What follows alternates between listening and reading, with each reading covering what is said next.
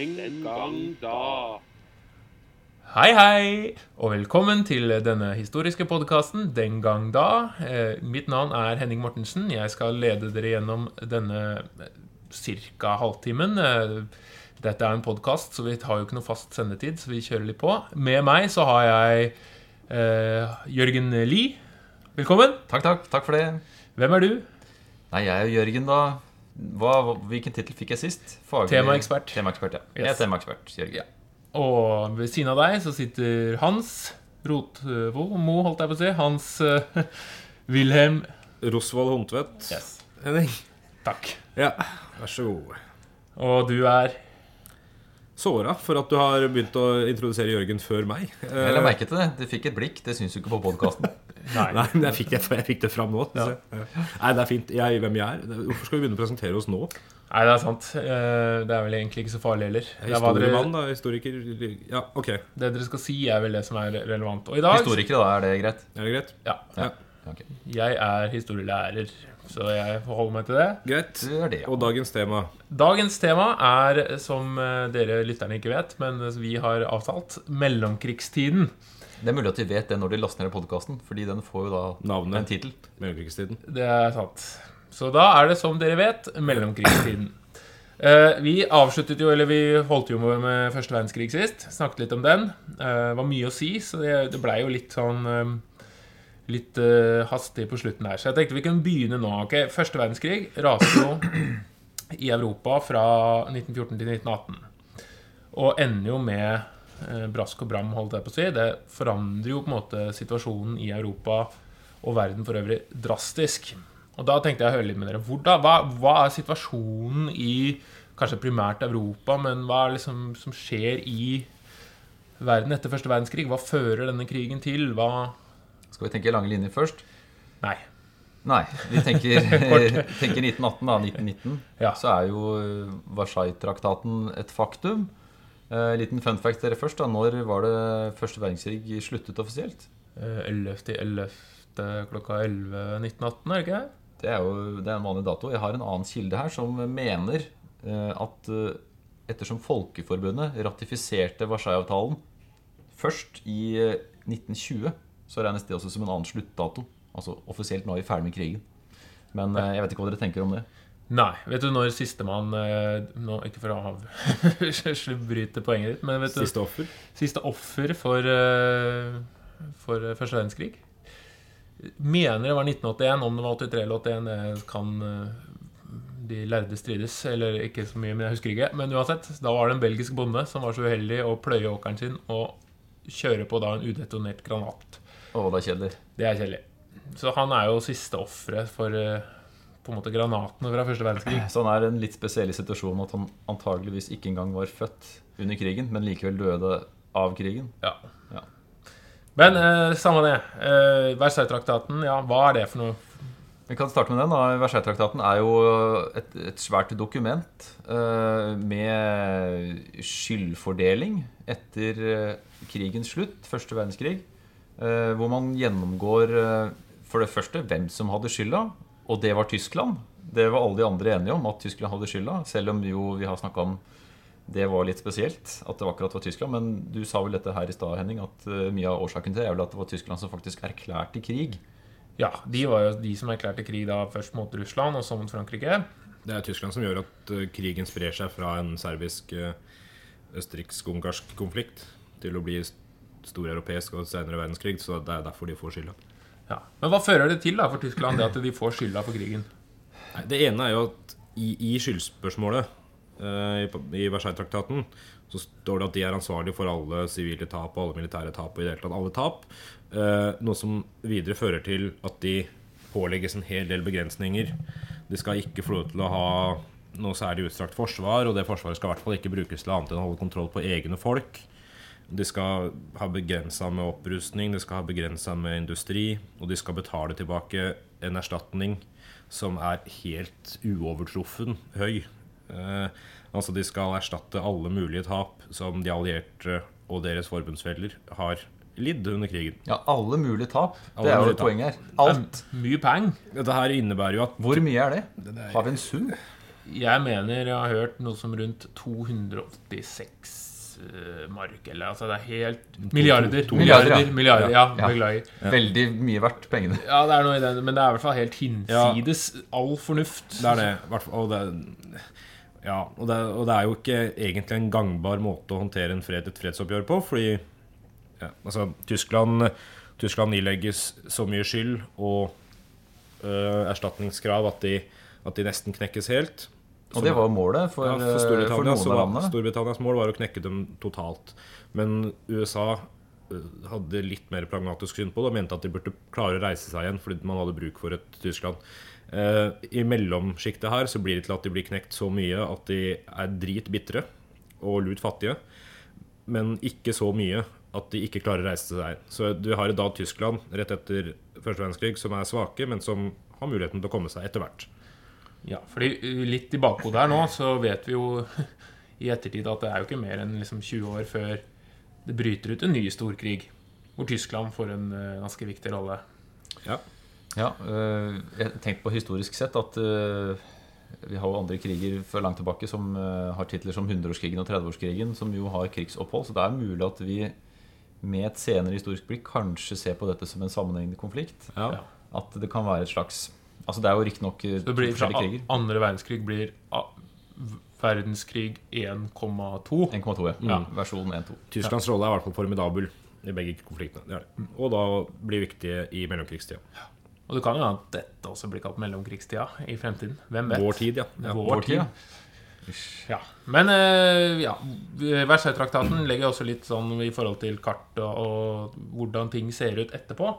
Kan du fortelle litt om eh, situasjonen i Europa? Altså nye land som oppstår. eh, hva er de store forandringene? Kan du starte i øh, sørøst først, da? Eh, Vi har jo et land som oppstår i smuldrebiten av det osmanske riket. Tyrkia. Ja, altså ja, Det osmanske riket detter jo sammen eh, etter første verdenskrig. eh, med noen lovnader fra Storbritannia og Frankrike om at eh, det skal bygges opp et nytt arabisk rike. Det blir jo ikke gjort. Men det ble oppretta en del forskjellige små arabiske om- stater som delvis er under kontroll av britene og, og franskmennene. Og så blir Tyrkia et nytt, eh, et nytt land. Ja, Ja. Etter Atatürk er det ikke som er den store forkjemperen her. Atatürk er den store forkjemperen i Tyrkia etter hvert. Derav Tyrkia som eh, navn. Men eh, også har vi jo Østerrike-Ungarn, som ikke eh, eksisterer lenger. Derfor Østerrike-Ungarn blir jo oppløst, for det var jo et stort, mektig rike. Ja, det ble delt opp i Østerrike og Ungarn. Godt sagt. Og mister jo mange av sine områder. Mister mange av sine områder. Habsburgerne mister makta i Østerrike. Og på Balkan, hva skjer der? Serbia, Det var jo et ønske om et uh, Stor-Serbia. Ja, man får etter hvert kongeriket Jugoslavia. Um, og en hel del indre konflikter der som bygger seg opp. Eh, Vi ser jo hvordan det her smeller så seint som 1990-tallet, med krigene i Jugoslavia og splittelsen der. Ja. Og du, ja. Det skal også nevnes at Tyskland eh, jo ikke lenger er et keiserrike, men blir en eh, demokratisk republikk. Og så Finland. Finland, ja. De klarer å sno seg unna russerne. Ja. Ja, For en stakket stund, i hvert fall. Ja. ja. Polen blir jo på nytt et rike. rike. Ikke for første gang. Nei. Nei, Polen er jo et trist eksempel. Hver gang de har slåss for selvstendighet tidligere, så har de jo bare mista mer av det eh, til Russland. Men de blir nå et eget rike. Ja. Det skal jo i hvert fall bevares i minst 20 år Ja. før neste problem. Nettopp. Ja, altså det, Polen blir jo også, altså, vi kommer til andre verdenskrig, en viktig faktor der. For Polen deler jo Tyskland i to, Ja. blant annet, som blir jo en torn i øynene for mange tyskere. Men her ja, men her kommer vi også inn på Vi nevnte Russland, og det er jo relevant her. Fordi Russland gjennomgår jo en revolusjon i 1917 eh, som gjør at de trekker seg ut av, eh, av krigen. Ja, hva, hva, kan hva skjer i den russiske revolusjonen? Hva går det ut på? Jeg kan, starte med de overbyggende først. hvis det er greit, Hans. Du har jo en tsarfamilie der som eh, etter hvert mister mye av eh, posisjonen, kan man si, hos folk. Eh, Det er jo en Hva er en tsar? En keiser? En konge? Det er et dynasti, altså en arve, et arvestyre. Oppå på i ja, 200 år, var Tre- det? 300. 300 Ja, samme familie som sitter der med makten og arver. Og de blir jo skutt, hele familien. Eh, og derav myten av Anastasia som eh, kom seg unna, og som eh, kanskje lever blant oss i dag. Sannsynligvis ikke, men et par sånne myter. Og hva mer, Hans? Nei, altså Det begynner jo som en Altså, dette, dette tsarstyret er jo dypt undertrykkende, antidemokratisk og jækla arkaisk, gammeldags. Og det er misnøye blant folket, som bare blir med høye større. Større misnøye pga. første verdenskrig, fordi tsaren pøser på med folk og ressurser som dør. og ja, Ressursene dør jo ikke, da. Men folket dør, og ressursene forsvinner ute i krigen. Og det topper seg da i 1917. Eh, Det gjennomføres en revolusjon.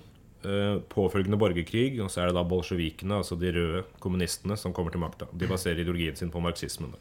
Og her, og her har du Lenin som den store, store skallede, bart, bebartede frontfiguren som Yep. eh, samler nasjonen eh, under sine marxistiske teorier. Eh, I hvert fall tungt inspirert. Og det er jo, hva si, kan du si at det er en vellykka revolusjon, da? Ja, det er for så vidt det. Hastig, vellykka. Og påfølgende borgerkrig, som da Lenin og de røde vinner. Og vi får da opprettelsen av et nytt land, egentlig. Sovjetunionen, som da er ja, et uh, rike som etter hvert ekspanderer og blir større enn det Russland da tidligere har vært. Og Som får veldig stor innflytelse på Enormt stor innflytelse. verden på 1900-tallet. Og det, det som alltid forundrer meg når jeg sender russisk historie Det er første verdenskrig. Det dør masse masse mennesker. Mange russere. De dør jo masse. Så bare rett etterpå så er det en borgerkrig. Der dør sju millioner mennesker. Og så er det hele prosessen. Så er det sultkatastrofer, og så er det sultkata... Ikke sant? Så kommer det til Ukraina under Stalin. Det dør 7-8 millioner mennesker. Andre verdenskrig 20 millioner. Det er er mange. utrolig. For ikke å snakke om utrenskninger i eget land for å kvitte seg med fiender. Utrenskninger Ja, etniske minoriteter. Ja. Arbeidsleir eh, Det dør mange mennesker. Det gjør det. Kan, kan vi bare ta en, en, et lite sidespor her? For nå, eh, Jeg husker vagt eh, noen beretninger om selve revolusjonsovertakelsen. Fordi disse bolsjevikene hadde jo Det var et rimelig godt planlagt kupp, og som fungerte Mm. også ganske bra. Eh, De fikk bl.a. tatt kontroll over denne panserkrysseren Potemkin, som det er Ja. laget en uh, kort liten film om. Ja, det film, ja. eh, som de brukte for å skremme. Skøyt mot uh, palasset, var det ikke det? Versailles-palasset. Husker ikke helt hvilken retning. Uansett, de kapra en kanonbåt da, for å skaffe seg makt. Og så inntok de Versailles-palasset Versailles, forholdsvis eh, Ja, var det ikke det? Er du i Frankrike? Nei, unnskyld. Eh, St. Petersburg. Vinterpalasset. Det Ved begge to, vet du. Uh, Vinterpalasset. Takk for, uh, takk for presiseringen. Bra faglig ansvarlig. Du Ja, følger med. nå holder du meg i tøylene. Uh, jo, eh, de inntar det uten, uten veldig store problemer. Det er den siste resten av forsvaret til tsaren som ikke har stor motivasjon for å forsvare det. Ja, altså, Tsaren har mista støtte fra godset. Og de blir skremt. Og, Og, men uansett, det er en liten historie der om at disse styrkene som inntar Vinterpalasset, skal gi et tegn til resten av bolsjevikene, og det er å heise et flagg når de da har overtatt. Og det, det er greit, det, men bortsett fra at de finner ikke noe flagg. Og så finner de et flagg seinere, og da har det feil farve. Eh, Så det tar på en måte veldig lang tid Ja. før Det er rotet opplegg. det, ja, det minner litt om eh, hva skal jeg si, den adhoc-beskytningen til Gavrilo Pilskip. Altså, det er et sånt vellykka, mislykka attentat. Det, ja. Det er det. Skal vi ta oss Unnskyld. Ja, bare for å oppsummere. Altså, russisk revolusjon er jo den, I 1917 kan jo egentlig deles i to. En i våren og en på høsten. Hvor den første er en sånn sporadisk eh, 'nå er nok nok'-revolusjon. Og folket på en måte går imot, og tsaren abdiserer. Og og så blir- kommer jo Lenin inn da og ser dette er min mulighet. Han blir faktisk frakta av tyske, tyskerne. Ja, altså han er i eksil. Ja, for han er jo egentlig gjemt seg i Sveits etter revolusjonen i 1905. eh, Som dere kan lese om. Ganske greit land å gjemme seg i. Ja, men uh, uansett så kommer jo han tilbake og tar over makten med da sine allierte, som er bolsjevikene, som er liksom det kommunistiske partiet til Lenin. Og klarer jo etter hvert å da gjennom en treårig ganske forferdelig brutal borgerkrig å etablere makten. Så Russland blir til Sovjet, som blir da til en Eller Sovjetunionen, da, som blir til en sånn mektig, stor kommunistisk stat. Og må ikke glemme at Russland er verdens største land. Eh, Så det er jo situasjonen. Eh, Men vi må jo snakke om Stalin. Ja, altså det, det, Vi må jo nevne hvordan dette her går under Lenin først, litt grann, før vi kommer til Stalin. Fordi det er vel litt av bakgrunnen her. Og Ja, men jeg vil snakke om Stalin. ja, vi kommer til Stalin. Slapp av. Gi meg 30 sekunder. Du burde kanskje også sagt hva kommunismen var. eh, Ja, altså De tar utgangspunkt i den marxistiske kommunismen. Altså eh, arbeiderne er de som skal skal eh, styre landet. Eh, Det er jo drømmen om en flat struktur. ja, Drømmen om At, flat eh, struktur, interkontinental ja, Og så er det noen motvillige ledere som dessverre må være Ja, på toppen likevel. Og, og dette skjer jo under Stalin, da ikke at Lenin var en gullgutt. Men, men han, det som er interessant med Lenin, er jo at han skaper en endring i den sosialistiske politikken etter hvert. Han er litt sånn realpolitiker, så han prøver å få dette til å funke en stund. Det, ser jo at en ganske det er, jo, det er jo statlig styrt økonomi som kommunistene jo står for, men, men pga. store hungersnøder, eh, hungersnøder hungersnød tidlig på 20-tallet, 1921 og sånn, så blir det en endring i økonomisk politikk. Han setter i gang med den såkalte NEP-politikken, ny økonomisk politikk, eh, som er basert på kapitalisme. Fordi han mente at russerne ikke var siviliserte nok for å tåle sosialismen helt ennå. Eh, da får vi faktisk en blomstring av ytringsfrihet og kultur.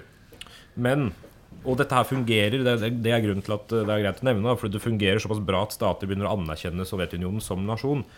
Eh, altså SSSR, samveldet av sosialistiske sovjetrepublikker. Her kan vi jo nevne hva Sovjet er, som er et arbeiderkollektiv, egentlig. Og så kaller man da de forskjellige landene som tilhører Sovjetunionen, for sovjeter. Eh, Norge var først ut til å anerkjenne, for øvrig. Fordi vi ja, fikk litt igjen pga. Svalbard og sånn. Er, men det er en maktkamp her, da. Det er, jo, Ja. det er jo linken over til Stalin. Fordi Lenin dør brått. Ja. Og uventa er det hjerteattakk. eh, Husker ikke. Det er 1924 i hvert Ja, fall. han omkommer eh, på, på et tidspunkt hvor han eh, har en sentral og sterk posisjon, og ingen har sett for seg at han skal abdisere eller forsvinne. Så han, man får et slags vakt, vakt, maktvakuum.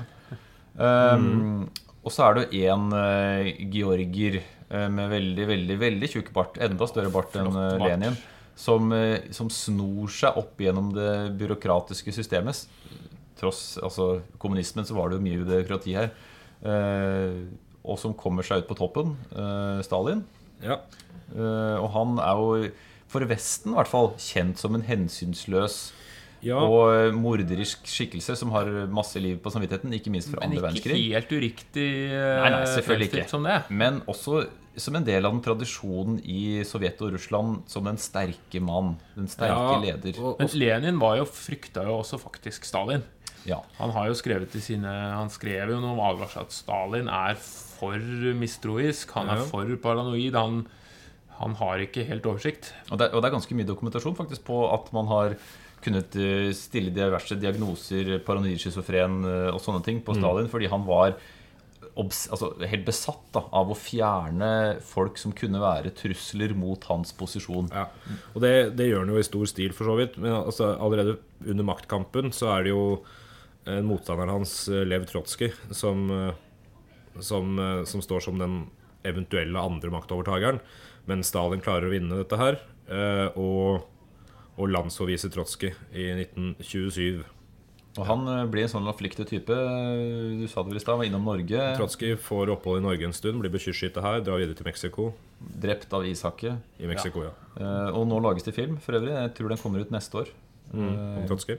Ja, om Tosca. Meksikansk produksjon. Ja, for Stalin han eh, kom til makten i 1927. Ja. Eh, han er rask med å etablere seg som eh, Hva skal jeg si mer og mer eneherskende. Er det, men samtidig så går han jo også litt tilbake til de gamle kommunistiske prinsippene med tanke på femårsplaner. Staten skal styre all produksjon osv. Ja, for disse femårsplanene som kommer fra 29, hva, hva går de ut på? ja, Det, altså, det, det er jo første rekke, også Rent økonomisk er det jo planøkonomi. Altså det er totalt liberalfritt. Det er staten som skal styre hvor mye som skal produseres, hvor mye som skal tas ut, og bøndene jobber i arbeiderkollektiv. Ja. Store statseide gårder som bestemmer hva og hvor mye og hvordan, og bøndene får ikke noe lønn i tillegg til uh, hva skal jeg si, den vanlige arbeidsdagen. Da. og det vi skal huske her, er jo at målet hans er å øke produksjonen av stål og industrivarer, fordi Russland ikke egentlig har gjennomgått den samme industrialiseringa som de andre Nei, de europeiske- altså de, de andre europeiske landene har jo gjennomgått den industrialiseringa på 1800-tallet. Eh, som Russland ikke gjorde fordi eh, tsaren ikke var villig til å gjennomføre noe industrialisering. Han så ikke behov for det. Eh, og Lenin, unnskyld, Stalin får da eh, et behov for å gjennomføre det her, og det skal han gjøre jækla kjapt. Og det gjør han gjennom da å tvinge bøndene til å drive med akkurat det. De, de frigjør arbeidskraft fra bøndene for, fra jordbruket for å kunne bruke det i industrien osv. Fordi Det fører til ny hungersnød for øvrig. Ja, fordi det som er liksom med kommunismen altså, Tanken er jo god. Altså, det handler jo om liksom dette med å, å dele, og at alle skal få være med, og alle skal få Alle skal ha en bit av kaka. og Det er jo en Det god tanke, da. Og for de som kjenner Animal Farm, eh, kjente boka, så er det jo eh, altså metaforen med dyresamfunnet hvor grisene blir de herskende, og med valgs, eller ordspråket 'We are all equal, but some are more equal than others'. Altså, Ja. Vi er alle like, men det er likevel noen som må sitte på toppen for at vi skal få dette til å funke. Eh, kan vi si at Sovjetunionen er et sånt eksempel? Det er nok det, fordi de, de beveger seg på 30-tallet fra sosialiststat til diktatur. Eh, Bolsjevikene hadde jo avskaffet diktaturet da de kasta tsaren. På 30-tallet så blir det innført igjen, mer eller mindre. Eh, man tåler jo ikke opprør, man tåler ikke motstandere. Og, man, og Stalin gjennomfører jo en politikk som, hvor han kvitter seg med alle motstandere. Ja, det er Arbeidsleire, Ja, måter. For det er Gulag-leirene, f.eks. altså, tragikomisk, altså fordi han Ja, Gulag-leirene som du nevner, slenger altså disse Ja, det, det er rene arbeidsleir, altså et forløpet for konsentrasjonsleir. Man Og- man og- bare gjemmes bort og stues bort og Det skal jobbe for En liten fun fact om de Gulag-leirene er jo at en del av dem, ja, en del av dem ute i, ute i Sibir osv. De, de ligger jo såpass langt utafor allfarvei at de ikke hadde gjerder. Fordi Ja, folk, eh, folk kunne ikke stikke av derfra likevel. De hadde dødd ute på tundraen der. Så, så det ble sånn, tenk deg den psykologiske greia å være innesperra et sted hvor du ikke er fysisk innesperra. Du bare veit at det er ikke noe håp for deg hvis du drar Vanskelig å derfra. finne noe annen, eh, et annet eksempel på det. Altså. Ja, altså det er et ja. fengsel uten barrierer. Han har hemmelig politi, og så er det disse Moskva-prosessene. Ja, for dette er, han har en utrenskningsprosess hvor han fjerner alle som er politiske fiender, eller i det hele tatt mistenkt for å være politiske fiender. For det, et godt spørsmål å stille seg er jo hvorfor tillater folk dette her? Hvorfor lar folk dette skje i et land? Altså Én mann kommer, dreper nesten alle som tør å si noe. Men det er jo også samtidig som For det første, alle er jo livredd for at de selv skal bli angitt. Det blir sånn angiverisamfunn, altså angiversamfunn, hvor alle Fryktkultur. hvor det er jo historier om folk som er redd for ikke fylle på en måte kvota med eventuelle politiske fiender, så de bare angir folk som Ja. de nødvendigvis ikke liker, eller bare for å ha fylle kvota. Da det minner veldig om, om den franske revolusjonen og hvordan de under terrorveldet dreper sine egne. Så, så Stalin han ender jo opp med å bli altså Det er vel fra etter Moskva-prosessen i 38 han liksom står ut som den eneste som ja, kan da bevege seg. Og, og dere nevner jo disse, sant, disse femårsplanene hvor det handler om å ta gårder og kollektivisere og eh, Ukraina er jo et tragisk eksempel på hvordan folk i, fikk store kvoter de måtte fylle. Klarte ikke, så kommer jo det, eh, myndighetene inn, tar alt kornet, og folk sulter i hjel. Ja, og og, det- Stalin sitter og sier Nei, ingen som sulter i hjel her. Ja, og Ukraina er jo på en måte brødboksen til eh, Sovjet. Ja. Eh, har blitt omtalt som kjempeflotte jordbruksmarker som bare Sovjet melker De melker jo ikke, de høster. Eh, det er på en måte det som er grunnlaget da, for mye av driften. Dagligdriften i Sovjet. Og Nå skal vi ikke foregripe begivenhetenes gang her, men det er jo litt viktig å tenke på i forhold til andre verdenskrig. For det er veldig sånn snill-slem fremstilling ofte av det. ikke sant? Det er veldig tydelig at tyskerne var slemme, men Sovjet, som da var jo med amerikanerne og britene og kjempet mot Tyskland, har jo sine egne skjeletter i skapet. De har jo drevet med jødeutryddelse der også, for så vidt. Utryddelse av mange andre folk. Minoriteter generelt har jo aldri hatt det bra i Sovjet. Eh, Så det ble litt trist avslutning her før vi går videre, men det er litt trist, da. Det må sies. Det er jo altså bare, det er bare å telle antall millioner Ja. døde. Så har man jo eh, oppsummert det. Men det her er jo mellomkrigstida da i Russland og Sovjet. Ja, og, Så- og Sovjet Det er blir jo lystig. viktig i tiden etterpå. Men hvis vi går til eh, det som eh, blir eh, på en måte, hva skal jeg si, den ideologiske motsetningen da, til kommunistiske Sovjet, blir jo da kapitalistiske USA. Fordi- Hva skjer der? Hva er liksom mellomkrigstiden? Hva, kan begynne med hva hva er situasjonen i USA etter første verdenskrig? Der har jo de egentlig tjent ganske greit med penger. De kommer seint inn. eh, Er ikke direkte involvert så med tanke på, på at altså, landet deres er jo ikke angrepet direkte. eh, Og, og de, de tjener heller penger på industri og, og våpenproduksjon til de andre. Ja. Ja, og ikke minst det er jo fremveksten av forbrukersamfunnet som vi kjenner det. det, det, det vi. Altså Man skaper behov. altså Det er jo kapitalismen i praksis. Man skaper masse nye behov for en sterkt voksende befolkning, som da igjen får bedre råd og får råd til å kjøpe disse varene. Eh, mange nye ting blir helt vanlige. Kjøleskap, bil, ikke minst. Mm. flere bilselskaper. Eh, Ford, som skaper allemannseie i T-Forden. Eh, kjøleskap, mikrobølger Nei, ikke unnskyld. Ikke, Nei, det var ikke 30 år senere. Det var senere. Eh, men nye artikler da, som på en måte blir allemannseie. Og da tjener staten og markedet og samfunnet store penger på at folk kjøper. Dette skjer ute på 20-tallet. I tillegg så, så, øh, så gir USA en hel del støtte til Tyskland for at Tyskland skal klare å reise seg opp igjen. Og klare å betale gjelda si. For i USA så blir jo 20-årene blir jo kalt the roaring twenties. Det Som er er fyll og jazzfester. ja, Det er det jeg ser for meg. Når jeg ser for meg USA på 1920-tallet, så ser jeg for meg jenter med sånn halvkort hår som danser charleston. Charleston og Foxtrot. Og Beina opp ja, i sånne vinkler bak, hælene opp. Og, eh, stepper og, og, og, evig så vindusvaskebevegelser ja. med Ja, hendene. og kort, korte skjørt. Vel, ja. Og så, ja. En evig fest, ser jeg for meg. Selv om det ikke var lov med alkohol, da, det må nevnes på 20-tallet. Det skaffer man seg likevel. Spriten var, Som for øvrig er vel verdens mest idiotiske politiske påfunn. Det førte opp til fremveksten av en mafiavirksomhet som var helt uovertruffen. Mye kreativ svindling og smugling gjennom bil og fra tvers av stater, og det Mm, var eh, store penger i omløp. Men det er vel fremveksten av et, eh, et forbrukssamfunn da, som vi kjenner i dag, kanskje, som virkelig får rotfeste. Altså, reklame blir jo mer og mer vanlig. Eh, som du sier, T-Forden. ikke sant? Folk, folk flest, som man kan bruke det som et begrep, har plutselig på en eller annen slags mu mu måte mulighet til å skaffe seg bil. Ja, og det er jo mange myter om akkurat den der. da Blant annet om at alle, du kunne bestille T-Ford i alle farger så lenge den var grønn. Og det stemmer Svart. delvis. Svart, ja, Bortsett fra at eh, ja, den hadde en annen farge i begynnelsen. Og så Ingen var svarte. Nei. Nei. Eh, Men uh, på et tidspunkt så var halvparten av alle verdens biler en T-Ford. Ja. Og det er interessante tall. Ja. Altså, den modellen. I dag har vi jo altså det er, Merket er én ting, men den modellen til Ford eh, For øvrig så populær at Ford uh, venta for lenge med å erstatte den med A-Forden, som gjorde at de nesten gikk dukken nærmere 40-tallet. Men det var en store. Ja, Henry Ford var jo en iuga nazist. eh, Han var og kjempeglad i, kjempeglad i nazismen, ikke så glad i jødene.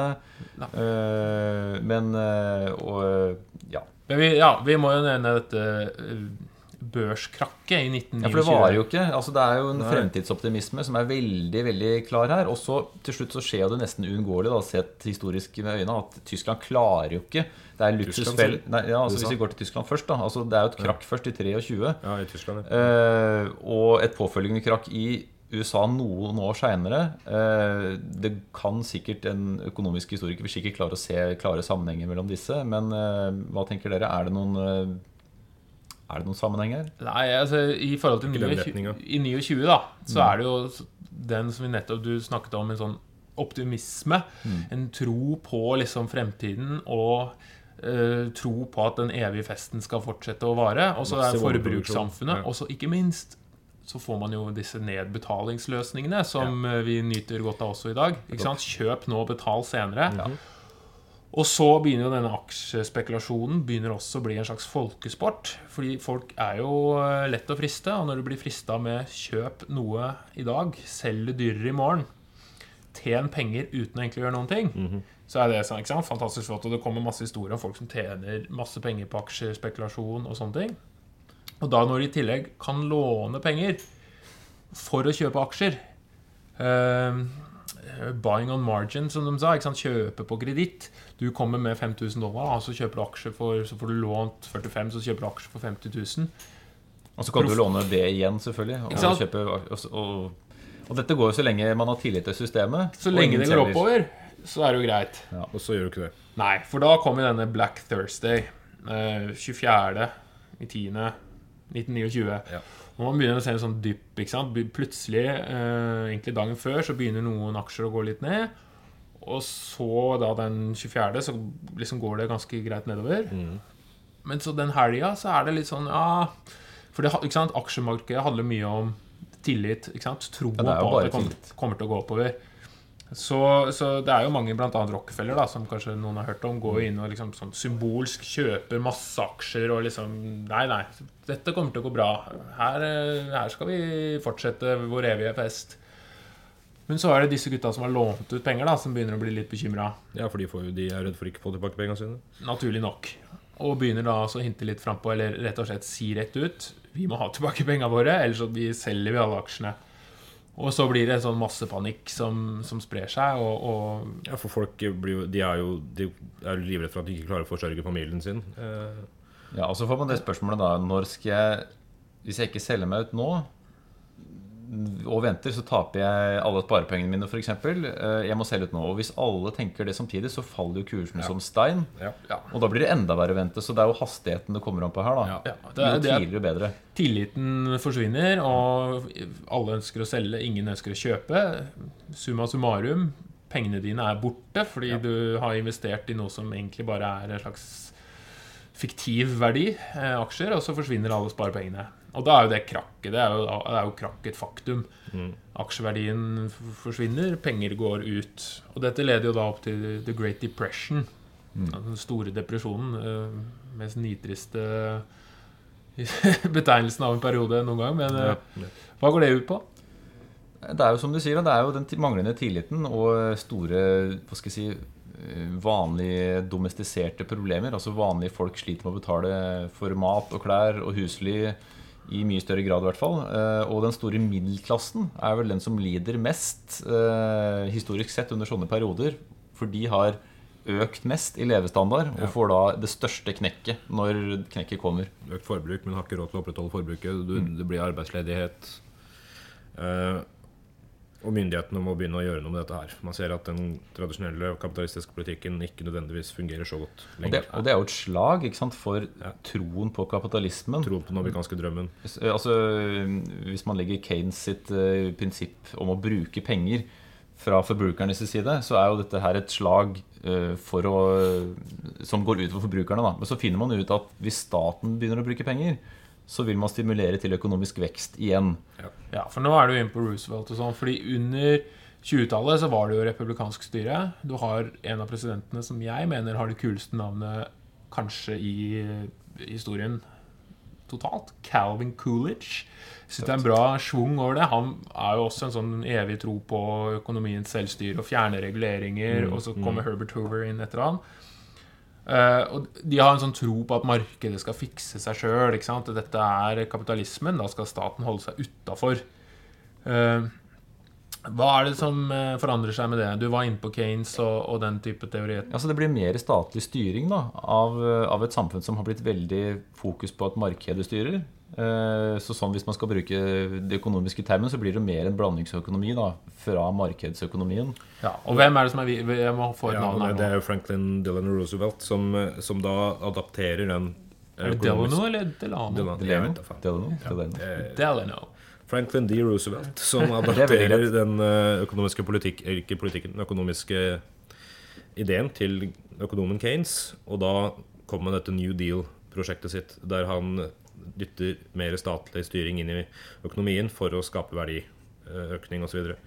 Eh, Han møter jo massiv motstand selvfølgelig fra en del folk. og Folk mener han er kommunist og sosialist og up to no good og greier fordi han ønsker å bidra til statlig eh, Eller øke den statlige interaksjonen, da. Franklin eh, D. Roosevelt er for øvrig den eneste presidenten som i mer enn to perioder. Ja, han satt i tre hele og var faktisk valgt for den fjerde perioden. Men Det var før eh, regelen om uh, to, kun to perioder ble innført. Men det Ja, var, nei, altså- var det det? Ja, Ja, det det var, nei, det var Ja, det var f- fordi men det var en sedvane om at bare du skulle bare sitte i to Men det- det perioder. er Men han, han valgte å bryte den der fordi han så at det var nyttig at han satt der, også blant bl.a. pga. andre verdenskrig etter hvert. Men han døde jo eh, av polio før han rakk å fullføre den fjerde perioden. Jeg satt i rullestol. Det, var ikke så mange, det er ikke så mange biler at han gjør det, faktisk. Nei, han, prøvde prøvde å ja, han ble ofte sittende i bilen når han holdt taler og sånn for å unngå å gå ut. Ja. Litt rart.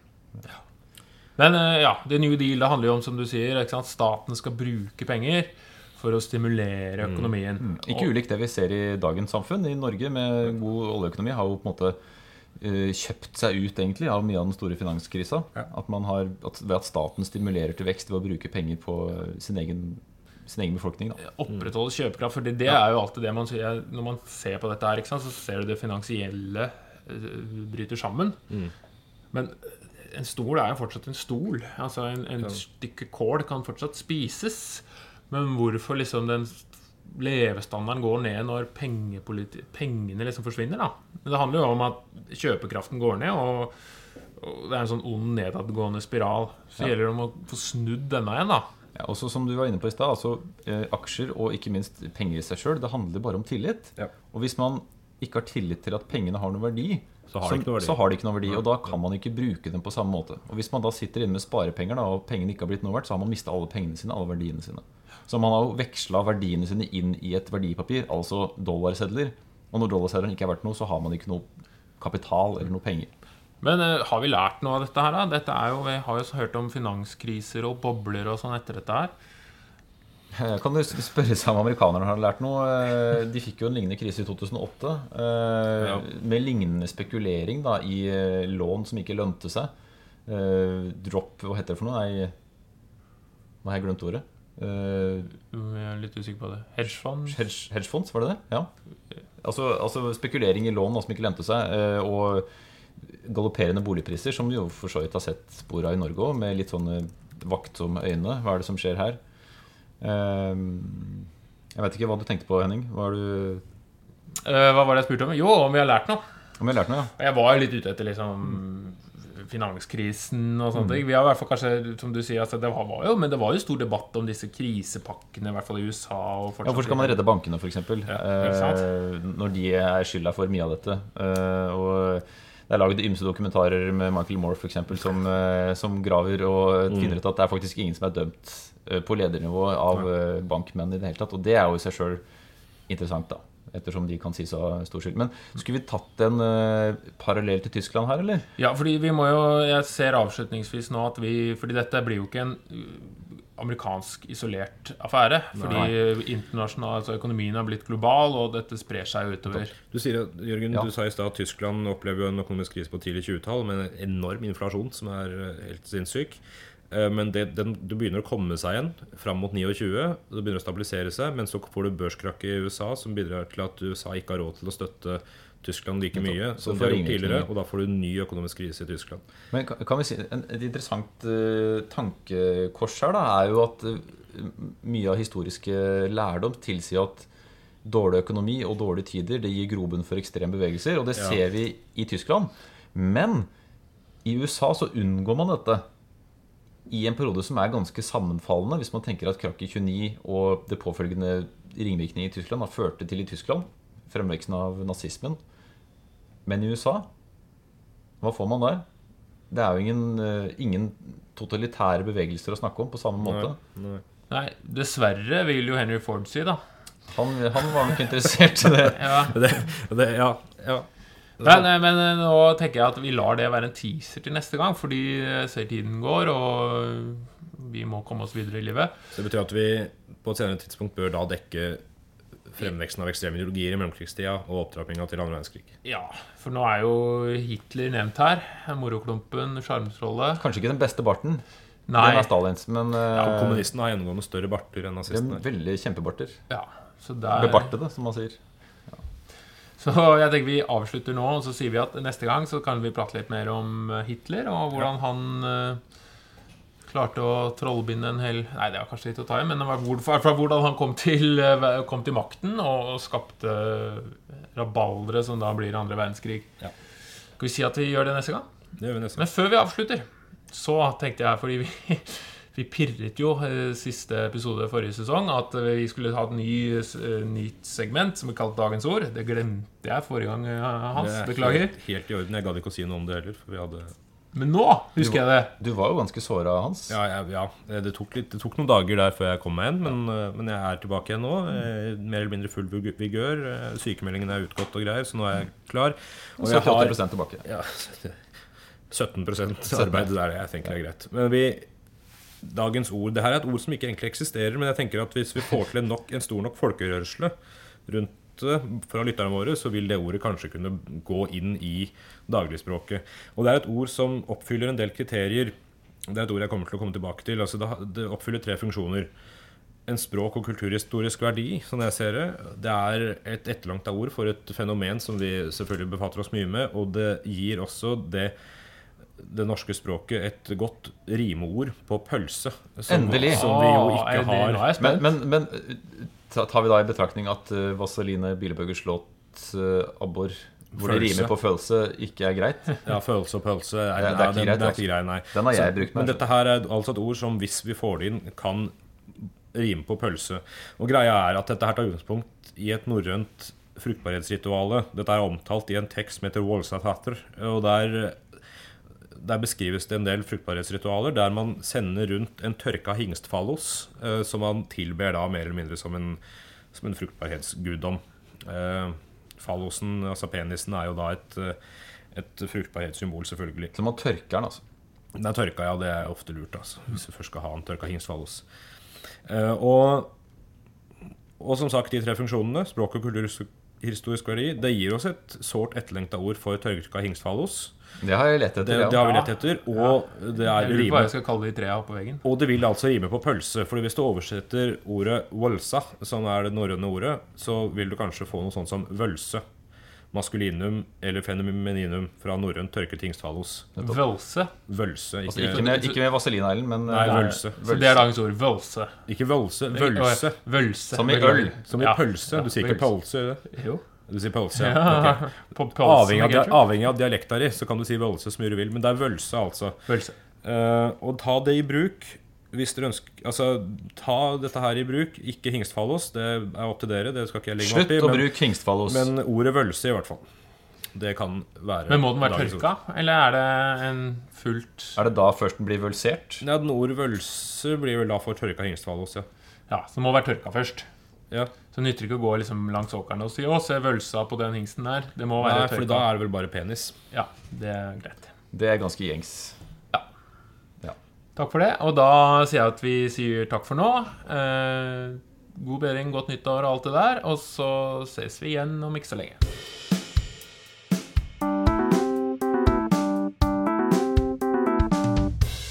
Den gang da.